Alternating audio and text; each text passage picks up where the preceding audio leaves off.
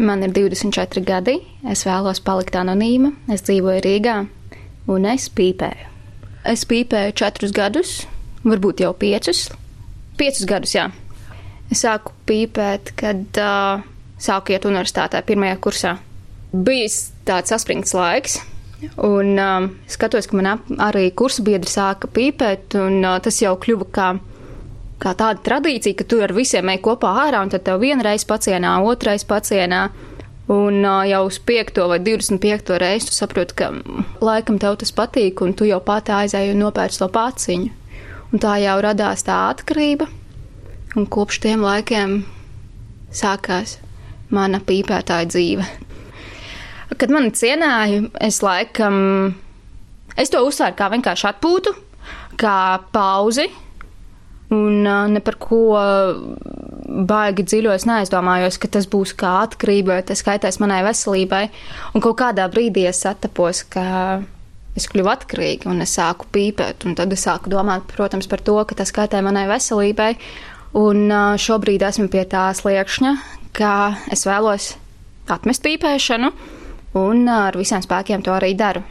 Un kā es to daru, ka es uh, kontrolēju sevi, man ir limits noteikts, un ar katru dienu es to samazinu, tā kā esmu ceļā.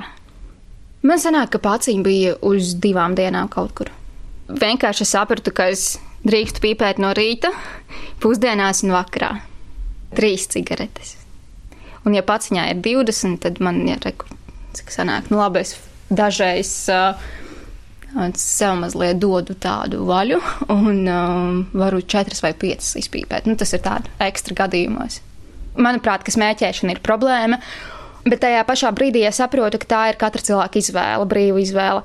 Kāds grib, viņš pīpē, kāds negrib, nepīpē, bet um, sev es esmu nolēmusi nākotni bez pīpēšanas, jo, protams, ka tas traucē arī sportā. Es sportoju, tu saproti, ka tu pēc kaut kāda laika ātrāk nogursti, tev ir grūtāk elpot, vairāk sāp muskuļi. Es domāju, ka visdrīzāk, ja tā ir tas, kā es nolēmu atmest pa īpēšanu, tūlīt es atcerēšos, tas bija apmēram pirms gada. Es izgāju ārā no darba, bija vakars, un kaut kas, es nezinu, kosmos man palīdzēja izdomāt, ka rekur ir pienācis laiks, kad tu sāc atmest. Un tad tās bija tikai domas, un uh, man draugs aktīvi lūdza, lai es atmetu arī. Bet cilvēks nevar atmest, ja viņam kāds lūdz. Viņam pašam pie tā jāatnāk. Jo, tu pats saproti, kāpēc tev tas ir nepieciešams, kāpēc tev ir jāatmet, vai tieši otrādāk, daudz vieglāk ir panākt savu mērķi es paskaitīju naudu, cik aiziet. Tas laikam arī bija viens no momentiem, jo es sāku domāt par savu dzīvokļu iegādi. Un um, mums kopā ar draugu aizgāja uz pīpēšanu 1000 eiro gadā. Tad mēs izdomājām, ka šo naudu varētu ieguldīt kaut kā labāk un iztērēt labāk nekā vienkārši bojājot savu veselību un tērējot naudu pa vēju, izmetot to.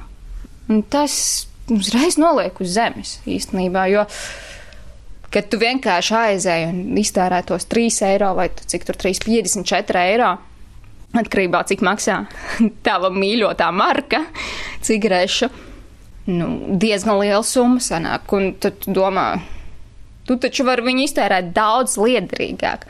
Tāpēc es par liederīgu naudas tērēšanu. Uh, samazināt cigarešu daudzumu nebija grūti, jo es to uztvēru kā cīņu ar sevi. Es gribēju parādīt sev, pierādīt sev, ka es to spēju, ka es to spēju izdarīt uh, mazā laikā, īsā laika posmā. Tas atviegloja. Atviegloja arī tas, ka man atbalstīja mans draugs, kurš atmeta.